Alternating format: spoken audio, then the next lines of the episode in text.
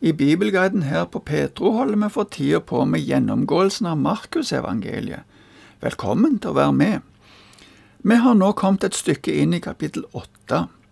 Sist gang så vi at overalt hvor Jesus kom, så var det noen som oppsøkte ham for å få hjelp. Selv om han prøvde å dra til plasser der de muligens ikke kjente til det som hadde skjedd i Galilea men det viste seg at ryktet hadde kommet dit før Jesus. Nå er han tilbake i Galilea, og vi skal først se på noe av det som hendte i Betzaida. Det var en liten by et lite stykke fra Kapernaum. Vi skal lese ifra vers 22 til 26 i det åttende kapittelet hos Markus. Så kom de til Betzaida. Der førte de en blind mann til Jesus og ba ham røre ved mannen. Han tok den blinde i hånden og ledet ham utenfor landsbyen, spyttet på øynene hans, la hendene på ham og spurte, Ser du noe? Han så opp og svarte, Jeg ser mennesker, for jeg skimter noe som ligner trær gå omkring. Så la Jesus hendene over øynene hans igjen. Da klarnet synet. Han var helbredet og kunne se alt tydelig. Og Jesus sendte ham hjem. Men gå ikke inn i landsbyen, og si det ikke til noen der, sa han. De fleste gangene Jesus har helbredet syke, har det bare stått at de blei friske. I dette tilfellet ser det ut til at helbredelsen skjedde i etapper. Den blinde fikk først litt syn, før Jesus la hendene over øynene hans, og etter det klarna synet hans slik at han kunne se tydelig. På samme måten kan vi si at disiplene heller ikke til å begynne med hadde sett helt klart hvem Jesus var, men litt etter litt, og med Den hellige ånds komme og hjelp, fikk de se klart hvem Jesus var, og hva hans komme betydde. Som vi også har sett tidligere noen ganger, sa Jesus at den blinde ikke skulle fortelle dette videre, i alle fall ikke i landsbyen. Det var nok mange som fikk litt feil oppfatning av hvem Jesus var av bare å høre rykte om han. Jesus og disiplene drog videre til Cesarea Filippi. Denne byen ligger omtrent 40 km nord for Betsaida og Galileasjøen, på den sørlige kanten av Hermonfjellet. I dag kalles byen Banyas. En av kildene til Jordanelva begynner her. I klippene ved byen var det hogd ut mange avgudsbilder. At byen i tillegg til Cesarea også kalles Filippi, er for å skille den ifra den byen som heter Cesarea og som ligger ved havet. Disse byene hadde blitt kalt slik for å ære den romerske keiseren. Vi skal lese det som skjer her i versene 27 til 30, og er fremdeles i kapittel 8 hos Markus, altså. Jesus og disiplene dro ut til landsbyene ved Cesarea Filippi. På veien spurte han disiplene, Hvem sier folk at jeg er? De svarte, døperen Johannes, men noen sier Elia, og andre en av profetene. Og dere, spurte han, hvem sier dere at jeg er? Da svarte Peter, du er Messias. Men han forbød dem strengt å snakke om ham til noen. Ettersom ryktet om Jesus gikk vidt og bredt hadde Jesus god grunn til å spørre disiplene hva folket trodde om han. Vi ser av svaret at folk tenkte forskjellig. Noen tenkte, som har vært inne på tidligere, at det var døperen Johannes som hadde stått opp ifra de døde, eller at det kanskje kunne være profeten Elia som hadde kommet. I boka fra profeten Malaki står det i det fjerde kapittelet at før Herrens dag skulle profeten Elia komme. Derfor var det mange som tenkte at det var det som skjedde nå. Så var det også noen som foreslo en av de andre profetene. Jesus spurte så disiplene konkret hva de mente. Det er lagt vekt på ordet dere i dette spørsmålet. Kanskje vi også skal ta dette spørsmålet inn over oss. Hva mener jeg, eller du, om Jesus? Hvem er Jesus for oss? Peter er snart til å ta ordet på vegne av gruppa. Han er ikke i tvil og svarer rett fram, uten å nøle, du er Messias. Det betyr at han anså Jesus som den frelserkongen som Gud skulle sende til Israel.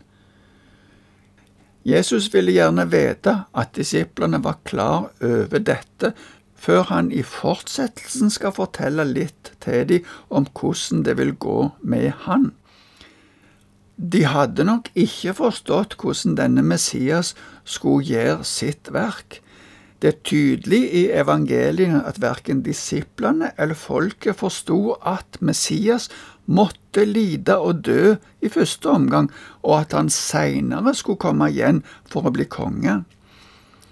Selv om Peter svarte tydelig på dette, ville ikke Jesus at disiplene skulle fortelle dette videre, for det måtte komme på den måten Gud ville åpenbare det for den enkelte. Det hadde nok også sin grunn i at hvis ryktet gikk om at Jesus var Messias, ville den misforståtte forventningen føre til at mange ville oppfatte Jesus som en politisk opprører, en som skulle frigjøre folk ifra romerne, i stedet for at han skulle frigjøre dem ifra deres synd. Derfor ville Jesus foreløpig ikke bruke ordet Messias om seg sjøl. Så skal vi høre at Jesus forutsier for disiplene at han måtte lide, dø, og at han skulle stå opp igjen etter tre dager. Vi leser fra vers 31 til 33. Jesus begynte å lære dem. Menneskesønnen må lide mye og bli forkastet av de eldste overprestene og de skriftlærde. Han skal bli slått i hjel, og tre dager etter skal han stå opp. Dette sa han i åpenhet.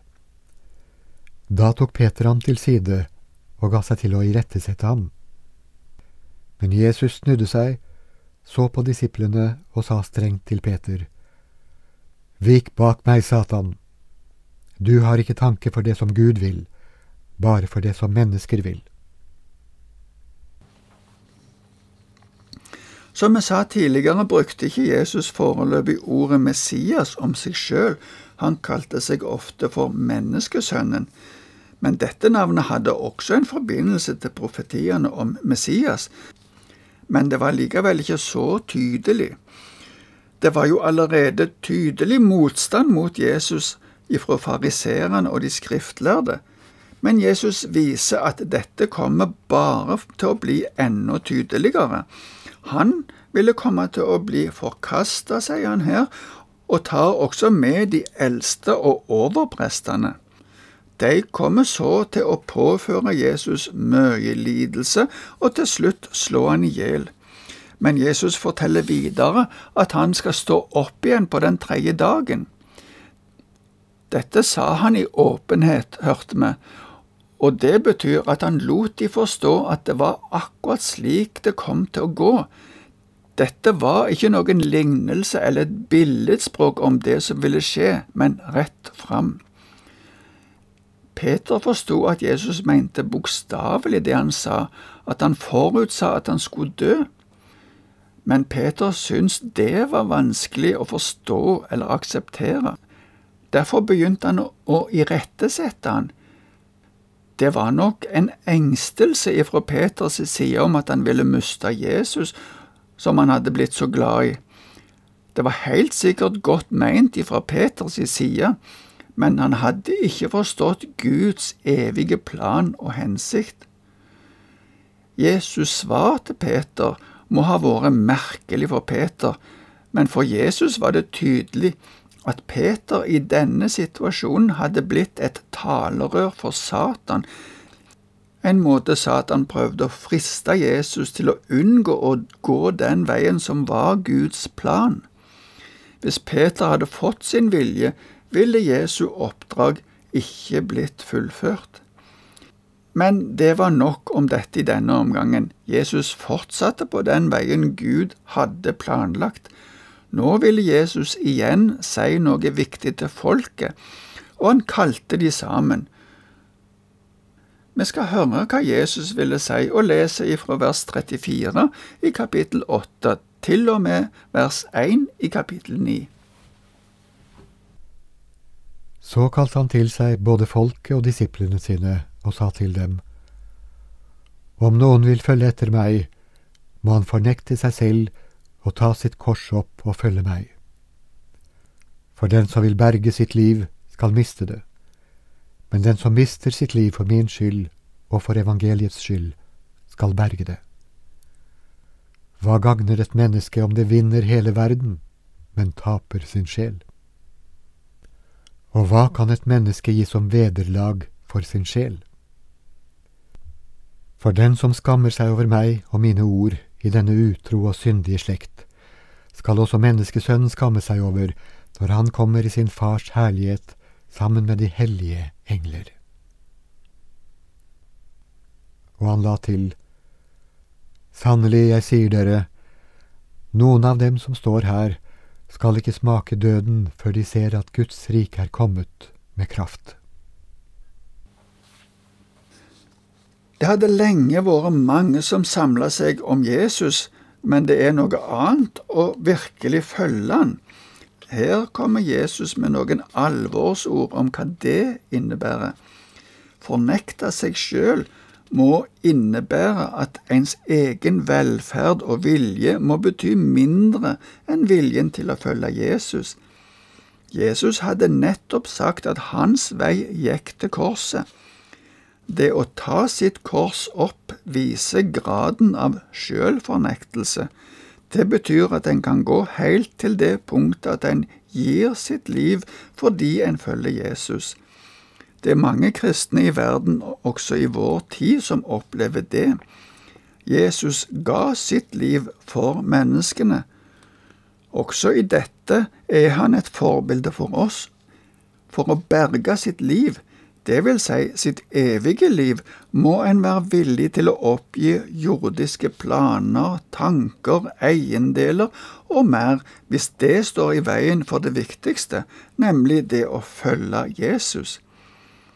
Det viktigste er at Jesus kjennes ved oss som sine disipler, at vi følger Han. Når Jesus bruker ordet sannelig, er det for å understreke så sterkt han kan det som er sagt. Vi ser dette mange ganger i evangeliene, men det var det vi rakk i dag. Takk for nå.